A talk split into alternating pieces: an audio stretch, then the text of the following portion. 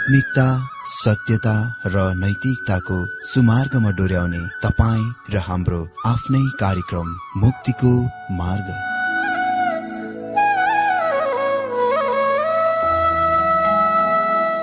आदरणीय श्रोता यस मुक्तिको मार्ग कार्यक्रममा हार्दिक स्वागत छ।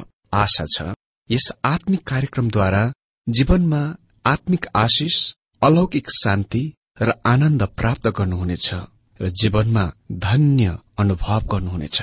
आउनुहोस् श्रोता। मन र आत्माको तयारीको लागि यो मिठो अनि मधुर भजन गीत सुनौ।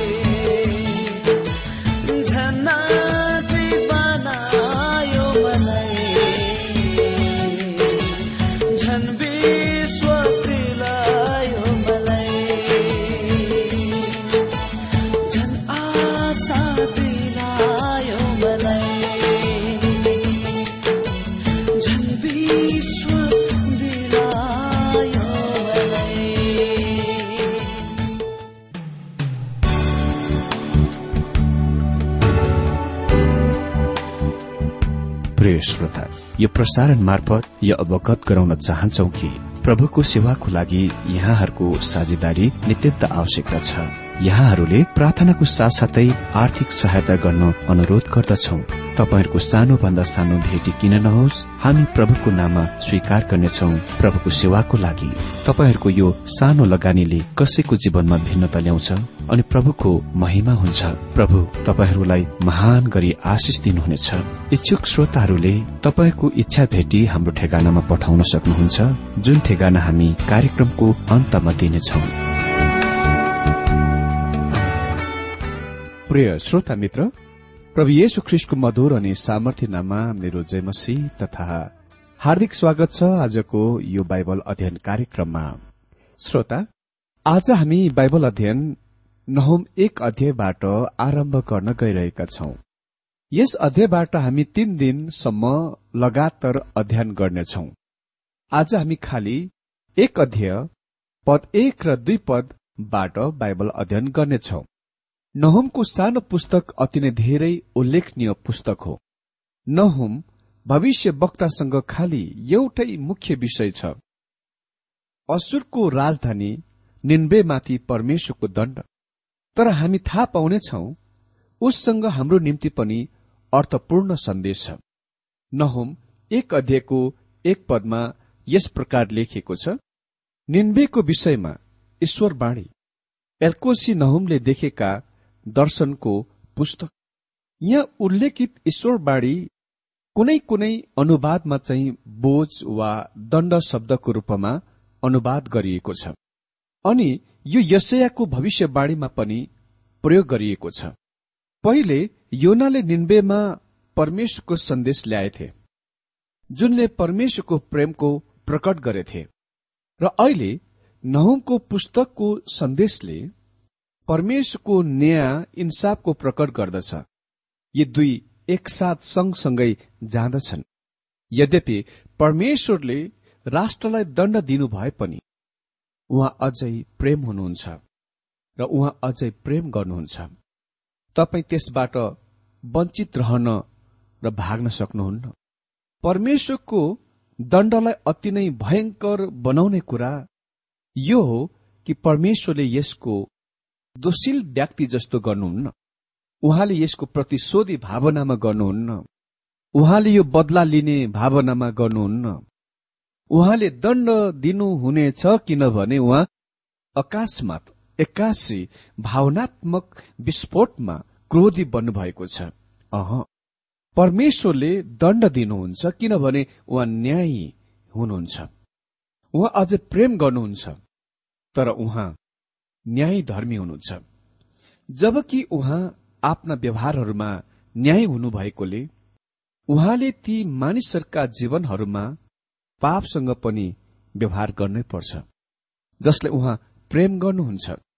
निन्बे त्यो सहर थियो जुनलाई परमेश्वरले प्रेम गर्नुहुन्थ्यो। उहाँले त्यो योनालाई भन्नुभयो योना चाहन्थ्यो कि त्यो सहर विध्वंस वा नष्ट भएको तर परमेश्वरले भन्नुभयो योना चार अध्ययको एघार पदमा। तर निन्बे सहरमा एक लाख बीस हजार भन्दा बढ्ता मानिसहरू छन् जसले दाइने र देब्रे हातै चिन्न सक्दैनन् र त्यसमा धेरै गाई वस्तुहरू पनि छन्। के मैले त्यस ठूलो सहरको निम्ति फिक्री नगरौं? परमेश्वर त्यस सहरलाई र त्यहाँका मानिसहरूलाई बाँकी राख्न बचाउन चाहनुहुन्थ्यो। अनि तिनीहरूमध्ये धेरैजना साना बच्चाहरू थिए। अनि परमेश्वरले निन्बेलाई बचाउनुभयो तर दण्ड यस महान सहरमा खस्न गइरहेको छ। यो नै नहुमको सन्देश हो। लगभग एक सय पचास वर्ष पहिले अघि योनाले परमेश्वरबाट सन्देश ल्याए र निन्वेले प्रस्ताव गरे। परमेश्वरले धैर्यपूर्वक पद तीन अनुसार यो नयाँ पिढ़ीलाई प्रस्ताव गर्ने अवसर दिनुभयो। तर अनुग्रहको दिन अन्त हुन्छ। त्यसको एक सीमा हुन्छ। त्यसपछि त्यहाँ दण्ड आउँछ। नहुम तीन अध्ययको उन्नाइस पदमा हामी पढ्छौ तेरो घाउलाई केही कुराले निको पार्न सक्दैन। तेरो घाउ घातक छ। जतिजनाले तेरो विषयमा सुन्छ त्यसले तेरो पतनमा ताली बजाउँछन् किनकि तेरो अन्तै नहुने निष्ठुरता कसले भोगेको छैन र? अर्को शब्दमा निन्बे त्यो स्थानमा आएको छ जहाँ त्यहाँ त्यस मानिसहरूको लागि कुनै चङ्गाई छैन कुनै समाधान छैन। म विश्वास गर्दछु कि कुनै राष्ट्र वा व्यक्ति विशेष निरन्तर पापमा रहिरहन सम्भव छ जबसम्म तपाईँ सीमा नाग्नुहुन्न। मलाई थाहा छैन त्यो सीमा कहाँ छ तर त्यहाँ निश्चय नै त्यस्तो स्थान छ। जब तपाईँ त्यस सीमालाई नाग्नुहुन्छ वा पार गर्नुहुन्छ यसको मतलब परमेश्वरको अनुग्रह तपाईँ कहाँ पुग्न सक्दैन। यो कुनै त्यस्तो कुरो होइन। त्यो तपाईँ कहाँ पुग्न सक्छ तर तपाईँ परमेश्वर कहाँ? यो साधारण कारणले पुग्न सक्नुहुन्न कि तपाईँ त्यस्तो स्थानमा आइसक्नु भएको छ जहाँ तपाईँ कठोर बनिनु भएको छ। र अविश्वासको त्यो स्थानमा आउनु भएको छ जुन परिवर्तनीय वा बदलिन सक्दैन। त्यो कुनै राष्ट्र वा कुनै व्यक्ति विशेषको निम्ति सत्य हुन सक्छ। जब तपाईँ आज घटिरहेका वा भइरहेका कुराहरूमा विचार गर्नुहुन्छ तपाईँ निराश र निरुत्साह हुन उचित कुरा हो। मलाई निश्चय छ कि धेरै परमेश्वरका जनहरू आज डिस्टर्ब शान्ति भंग गरिएको छ। म विश्वास गर्दछु यो नै कारण हामीले त्यस्ता भविष्यवाणीमा रुचि पाएका वा देखेका छौं।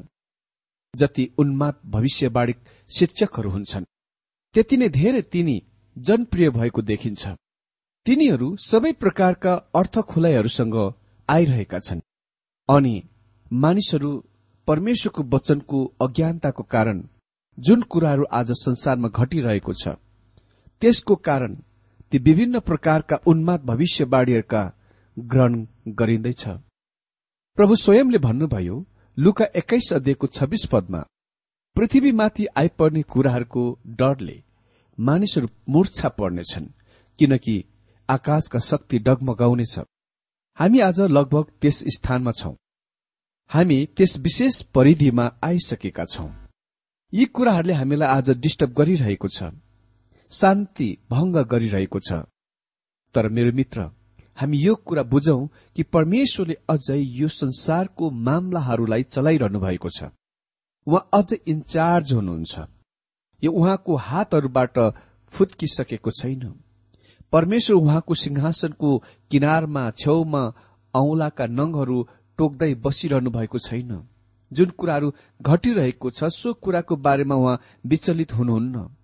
परमेश्वरले आफ्नो योजना र उद्देश्यको पूरा गरिरहनु भएको छ। र उहाँले मानिसको पापलाई अनदेखि गरिरहनु भएको छैन। यो परमेश्वरको सन्तानको निम्ति यो दिनमा अति नै धेरै सान्त्वनाको कुरा हुनुपर्छ। असुरले परमेश्वरको उद्देश्यको सेवा गर्यो र अहिले नष्ट गरियो। यो लिखित भविष्यवाणीमा दिएको विवरणहरू अनुसार निन्वेको विध्वंस अति नै भयानक छ। त्यसकारण यो ती मानिसहरूलाई सान्त्वनाको सन्देश हो जो शक्तिशाली र ईश्वरहीन भ्रष्ट राष्ट्रको डरमा भयमा रहन्छन्। परमेश्वरले कुनै पनि ईश्वरहीन दुष्ट भ्रष्ट राष्ट्र र व्यक्ति विशेषलाई छोड्नुहुन्न। तिनीहरूलाई नष्ट गर्नुहुनेछ। तपाईँले यो जान्नलाई गर्नुपर्ने आवश्यक कुरा नै। तपाईँको इतिहासको पुस्तक टिपेर लिखित इतिहासको आरम्भमा हेर्न शुरू गर्नुहोस्।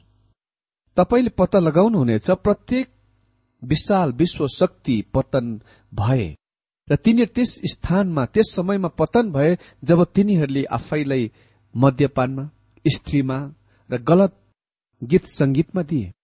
जब कुनै राष्ट्र त्यस्तो स्थानमा पुग्दछ तपाईँ यस कुरामा निश्चित हुन सक्नुहुन्छ कि त्यो पतनको मुख नेर छ र चाँडै नै पतनको मुखमा पर्नेछ। अनि अघिका पूर्व विश्वका महान सम्पूर्ण राष्ट्रहरू तिनीहरूको निम्ति सत्य हो। जस्तै मिश्र साम्राज्य असुरी साम्राज्य हेर्नुहोस् त। अनि बाबेलको साम्राज्य हेर्नुहोस् त। ग्रिस साम्राज्य हेर्नुहोस् त। रोमी साम्राज्य अनि ब्रिटिस साम्राज्य हेर्नुहोस् त। यो कुरा सत्य भएको देख्नुहुन्छ। एल्कोसी नहोमले देखेको दर्शनको पुस्तक। मित्र यो पुस्तकको लेखकको बारेमा जानेको कुरा नै बस यति मात्र हो। र मैले यसको बारेमा परिचय खण्डमा केही बेरसम्म छलफल गरिसकेको छु। नहुम प्रत्यक्ष रूपले इसरायलको उत्तरी राज्यमा जन्मेका थिए र त्यो उसको मातृभूमि आफ्नो देश थियो तर उनी सम्भवत सानो बच्चा हुँदै यहुदाको दक्षिणी राज्यतिर सरे। उससँग उत्तरी राज्यको लागि अति नै महान ख्याल र वास्ता थियो। र यो स्पष्ट छ कि जब इसरायलको उत्तरी राज्यलाई असुरीहरूद्वारा कैदमा लगिए उनी जीवितै थिए। उसको सन्देश चाहिँ असुरको राजधानी निन्वेमाथि परमेश्वरको दण्ड हो। अनि दुई पदमा लेखिएको छ परमप्रभु डाही र बदला लिने परमेश्वर हुनुहुन्छ। परमप्रभुले बदला लिनुहुन्छ र क्रोधले भरिपूर्ण हुनुहुन्छ। परमप्रभुले आफ्ना दुश्मनहरूलाई बदला लिनुहुन्छ। र शत्रुहरूका लागि क्रोध साँची राख्नुहुन्छ डाही परमेश्वर डाही परमेश्वर हुनुहुन्छ। र उहाँले माग गर्नुहुन्छ कि उहाँका जनहरूले खालि उहाँलाई मात्र सेवा र आराधना गरेको। जब कुनै मानिस प्रतिमातिर मूर्तितिर जान्छ पापतिर फर्किन्छ वा कुनै पनि त्यस्ता कुराहरूतिर फर्किन्छ जुन परमेश्वरको ठिक विपरीतका कुराहरू छन् जुन उहाँलाई मन पर्दैन घृणा गर्नुहुन्छ। त्यस्ता कुरातिर फर्किन्छन् र त्यसमा नै आफैलाई दिन्छन् अर्पण गर्छन् भने परमेश्वर डाही हुनुहुन्छ। मैले मानिसले यो भनेको सुनेको छु परमेश्वरको डाहा र मानिसको डाहा बीच खालि अलिकति मात्र भिन्नता छ। त्यहाँ त्यति धेरै भिन्नता छैन। जस्तो कि तपाईँ सोच्नुहुन्छ प्रस्थान विश्व दिएको तीनदेखि छ पदमा हामी पढ्छौं म बाहेक अरू कुनै देवता देवीहरू नमान्नु। आफ्नो निम्ति खोपेर कुनै किसिमको प्रतिमाहरू नबनाउनु माथि आकाश अथवा तल पानीमा भएका कुनै कुराको आकाशको प्रतिमाहरू प्रति नबनाउनु नकल नगराउनु तिनीहरूका सामु ननिरहनु नझुक्नु तिनीहरूको पूजा नगर्नु किनकि म परमप्रभु तिमीहरूका परमेश्वर डाहा गर्ने परमेश्वर हुँ। मेरो अवहेलना गर्ने पिता पुर्खाका अधर्मको दण्ड उनीहरूका सन्तानहरूलाई उनीहरूका तेस्रो र चौथो पुस्तासम्म दिनेछु। तर मलाई प्रेम गर्ने र मेरा आज्ञाहरू पालन गर्नेहरूका हजारौं पुस्तामाथि कृपा गर्नेछु। परमेश्वर तपाईँलाई प्रेम गर्नुहुन्छ। चाहे तपाईँ जोसुकै हुनुहोस् यसले कुनै फरक पार्दैन। तपाईँलाई प्रेम गरिरहनबाट उहाँलाई अलग गर्न सक्नुहुन्न। तर तपाईँ त्यस्तो स्थानमा पस्न वा लुक्न सक्नुहुन्छ जहाँ तपाईँ परमेश्वरको प्रेमको अनुभव गर्नुहुने छैन। जब तपाईँ पापको छाता मुनि पस्नुहुन्छ वा पापको छाता मुनि लुक्नुहुन्छ परमेश्वरको प्रेमको सूर्य ताप तपाईँमाथि पर्ने छैन। तर त्यो अझै त्यहाँ तपाईँको लागि छ। तपाईँ विभिन्न प्रकारका पापको छाता ओढ्न सक्नुहुन्छ? तपाईँ आफ्नो पीठ उहाँलाई फर्काइदिने र उहाँको इच्छा नगर्ने छाताको ओढ्न सक्नुहुन्छ? त्यो धेरै विभिन्न प्रकारका छाताहरू छन् जुनले तपाईँमाथि सूर्यको ताप पर्नबाट बचित वा रोक्दछ अलग राख्दछ टाढा राख्न सक्छ। तर तपाईँ उहाँलाई तपाईँमाथि प्रेम गरिरहनबाट अलग गर्न रोक्न सक्नुहुन्न। परमेश्वर तपाईँलाई प्रेम गर्नुहुने भएकोले उहाँ वास्तवमा तपाईँप्रति दायी हुनुहुन्छ। यसको मतलब उहाँ तपाईँलाई चाहनुहुन्छ। वास्तवमा तपाईँसँग भएका कुराहरू परमेश्वर चाहनुहुन्न। हामी सेवकहरू सबै तपाईँहरूसँग भएका कुरा मागिरहेका हुन्छौ। अनि धेरैपल्ट उहाँको सेवाको निम्ति तपाईँहरूका सहायताहरूको आवश्यकता त पर्छ। तर वास्तवमा परमेश्वरले तपाईँसँग भएको कुराको चाहनुहुन्न। उहाँ तपाईँलाई चाहनुहुन्छ। अनि जब तपाईँ आफैलाई आफ्नो समयलाई र आफ्ना वस्तु रुपियाँ पैसा अरूलाई दिनुहुन्छ उहाँ डाही हुनुहुन्छ। जब तपाईँ आफै स्वयंलाई पापमा दिनुहुन्छ परमेश्वर डाही हुनुहुन्छ। मैले एकपल्ट एक स्त्रीले यो भनेको सुनेको थिएँ। मसँग अति नै समझदार पति छ। उनी म प्रति कति पनि डाही छैनन्। हजुर मलाई लाग्दैन कि तिनले भनेको त्यो कुरा कुनै आभार वा आदर वचन हो। हामी त्यस्तो दिनमा रहिरहेका छौं। मानिसहरू फराकिलो विचारधारा भएको ब्रोड माइन्डेड ओपेन माइन्डेड वा उदार मनको वा उदार चितको बारेमा कुरा गरिन्दछ। वा त्यस प्रकारका मानिस बन्नुपर्ने कुराको बारेमा कुरा गरिन्दछ। विशेष गरेर मैथुन वा काम बारेमा। तिनीहरू तर्क गर्दछन् कि कुनै स्त्री कुनै पुरूषसँग बिना विवाह सुत्न सक्छ रहन सक्छ। अनि यो चलन पश्चिमेली मुलुकमा मात्र होइन हाम्रो मुलुकमा पनि आजकल सत्य भएको देख्छौ। म तपाईँलाई भनौँ मित्र यदि तपाईँ त्यस प्रकारको स्त्री हुनुहुन्छ भने तपाईँ कहिले पनि असल पति पाउनुहुन्न। किनभने असल पति त्यो हो जसले तपाईँलाई प्रेम गर्नेछ र सबै कुरा भन्दा धेरै तपाईँलाई चाहन्छ र उनी तपाईँलाई अरू कुनै पुरूषसँग बाँडचुट गर्न चाहँदैन। यदि तपाईँ भन्नुहुन्छ कि तपाईँसँग डाही पति हुनुहुन्न म तपाईँको लागि खेत प्रकट गर्दछु किनभने तपाईँसँग असल सम्बन्ध छैन। परमेश्वर स्पष्ट रूपमा भन्नुहुन्छ म डाही परमेश्वर हुँ। म तिमीलाई चाहन्छु। म तिमीलाई संसारका पापसँग र शैतानका झुण्डसँग र प्रतिमासँग बाँडचुट गर्न चाहन्न। म तिमीलाई अरूसँग बाँड्न चाहन्न। म चाहन्छु कि तिमी खालि मेरो निम्ति भएको। उहाँ डाही हुनुहुन्छ भने परमेश्वरको कथनसँग त्यहाँ कुनै गलत कुरा छैन। र नहुम भन्छन् परमेश्वर डाही हुनुहुन्छ। म खुसी छु कि उहाँ डाही हुनुहुन्छ। अनि असल वफादार पत्नीले पनि भन्नेछ म आफ्नो पतिलाई अरू कोहीसँग बाँड्न चाहन्न। उनी खालि मेरो मात्र हुन्। अनि यो स्वाभाविक कुरा हो। अनि महत्वपूर्ण छ। मेरो मित्र यदि तपाईँ प्रेम गरिन चाहनुहुन्छ र यदि तपाईँ प्रेम गर्नुहुन्छ भने सम्बन्धमा त्यहाँ डाहा हुनेछ। अनि त्यो डाहा हुनै पर्छ यदि त्यो साँचो प्रेम हो भने। भनिएको छ दुई पदमा परमेश्वर डाही र बदला लिने परमेश्वर हुनुहुन्छ। परमप्रभुले बदला लिनुहुन्छ र क्रोधले भरिपूर हुनुहुन्छ। परमप्रभुले आफ्ना दुश्मनहरूलाई बदला लिनुहुन्छ र शत्रुहरूका लागि क्रोध साँची राख्नुहुन्छ। परमप्रभुले बदला लिनुहुन्छ र क्रोधले भरपूर हुनुहुन्छ। अनि रोमी बाह्र अध्यायको उन्नाइस पदमा भनिएको छ बदला लिने काम मेरो हो म नै बदला लिनेछु परमप्रभु भन्नुहुन्छ। परमेश्वर तपाईँ र मलाई भन्नुहुन्छ तिमीहरू बदलाको कामको आफ्नो हातमा नल्याउ बदला लिने कुरा आफ्नो हातमा नल्याउ किनभने भन्नु पर्दा तिमीहरू यसलाई सही तरिकामा अभ्यास गर्ने छैनौ। त्यो मामला मतिर फर्काइदियो। म यसलाई कुनै क्रोध बेगर यसको सम्हाल्नेछु म यसलाई उचित न्याय र इन्साफमा सम्हाल्नेछु म सही काम गर्नेछु। म सम्पूर्ण मामलाको जान्दछु। म यसको बारेमा हरेक कुरा जान्दछु। परमप्रभु बदला लिनुहुन्छ। र तपाईँ यसको मन पराउनुहोस् या मन नपराउनुहोस् परमेश्वरले जुनसुकै काम गर्नुहुन्छ उही बिल्कुल सही गर्नुहुन्छ। हामीले यो कुरा हाम्रो मनमा लिनुपर्छ।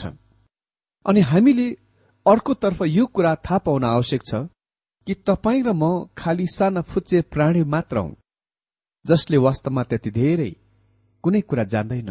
अरू त के सबभन्दा ज्ञानी वा बुद्धिमानले पनि त्यति धेरै कुनै कुरा जान्दैन। तर हामीले यो कुराको थाहा पाउनु पर्छ कि हामी त्यति धेरै कुनै कुराको जान्दैनौ र परमेश्वर जुनै काम गर्नुहुन्छ उहाँ बिल्कुल सही हुनुहुन्छ। यदि तपाईँ त्यसो सोच्नुहुन्न भने तपाईँ गलत सोचाइमा हुनुहुन्छ। परमेश्वर गलत हुनुहुन्न। तपाईँ र म गलत छौं। मलाई थाहा छैन तपाईँ त्यस कुराको स्वीकार गर्न इच्छुक हुनुहुन्छ या हुनुहुन्न। यदि तपाईँ यस कुराको स्वीकार गर्न इच्छुक हुनुहुन्न भने जहाँसम्म परमेश्वरको सम्बन्धमा कुरा छ तपाईँ समस्यामा हुनुहुन्छ। किनभने त्यहाँ धेरै कुराहरू छन् जुनको बारेमा परमेश्वर तपाईँ र मलाई भन्नुहुने छैन। उहाँ केवल अगाडि बढेर त्यसको गर्न गइरहनुहुनेछ उहाँले यो विश्व ब्रह्माण्ड आफ्नै तरिकामा चलाइरहनु भएको छ। विश्वको इतिहासमा र आज भोलि पनि अधिकार शक्तिको भोका प्यासाहरू धेरै मानिसहरू थिए र छन्। तर तिनीहरू धेरै लामो समयसम्म रहन सकेनन्। हिटलर लामोसम्म रहिरहन सकेन। मुसोलिनी न स्टेनले। आज विश्वमा कुनै राष्ट्रमा हुने प्रत्येक प्रमुख प्रसिद्ध मानिसहरू त्यति लामो समयसम्म रहिरहन सकेका छैन म तपाईँलाई भनौँ परमेश्वर अझै सिंहासनमा हुनुहुन्छ र उहाँले हरेक कुराको चलाइरहनु भएको छ। भनिएको छ परमेश्वर क्रोधले भरपूर हुनुहुन्छ। परमेश्वर मानिसको पापमा कुनै आनन्द लिनुहुन्न। परमेश्वरले पापको घृणा गर्नुहुन्छ र उहाँ यसमा क्रोधित हुनुहुन्छ। भनिएको छ परमप्रभुले आफ्ना दुश्मनहरूलाई बदला लिनुहुन्छ र शत्रुहरूका लागि क्रोध साँची राख्नुहुन्छ। परमेश्वर महिमित हुनुहुन्छ जब उहाँले यस राष्ट्रलाई दण्ड दिनुहुन्छ जुन हामी इजिकेल अडतिस र उन्तालिस अध्यायमा विशेष गरेर देख्छौ।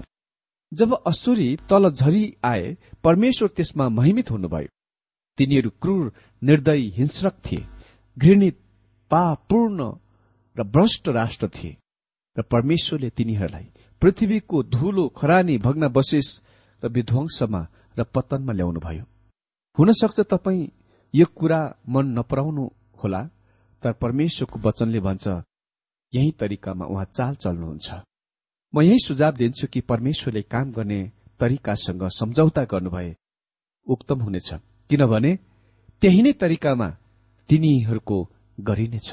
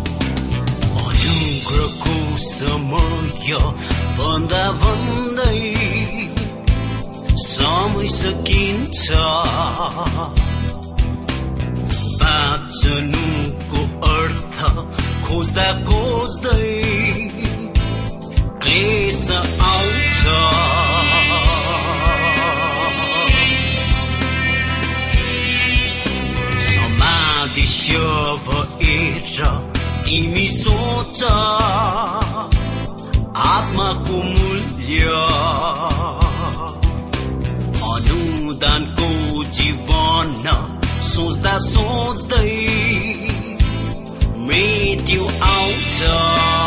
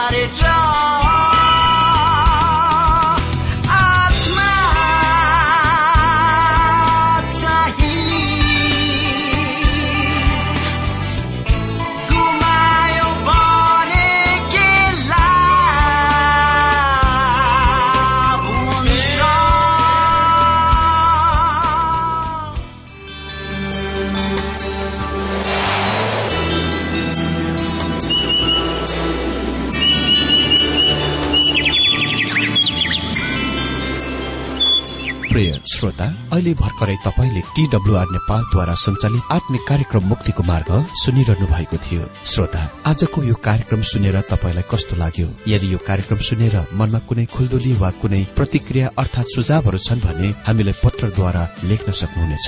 हामी हृदयदेखि नै स्वागत गर्नेछौ स्वीकार गर्नेछौ साथै बाइबल सम्बन्धित प्रचारहरू कार्यक्रम सारणीहरू हामी अनुरोधमा पठाउन सक्छौ। अनि तपाईँसँग कुनै प्रार्थनाको विषय छन् भने हामीले तपाईँको लागि प्रार्थना गरेको चाहनुहुन्छ भने प्रभुमा आफ्नै परिवार सम्झेर हामीलाई पत्रमा लेख्न सक्नुहुनेछ। तपाईँको लागि हामी प्रभु येशुसँग प्रार्थना गर्नेछौ। अधिक जानकारी र पत्रचारको लागि हाम्रो ठेगाना यस प्रकार छ।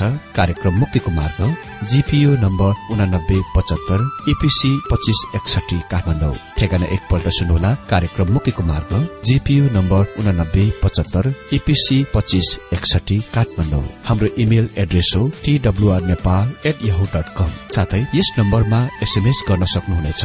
अन्ठानब्बे चार सत्तरी पैंतिस छ सय उनासी नौ आठ चार सात जिरो तीन पाँच छ सात नौ। हुन्छ श्रोता आजलाई हामी विदा चाहन्छौ। अर्को कार्यक्रममा हामी पुनः भेट्नेछौ तबसम्मलाई नमस्कार।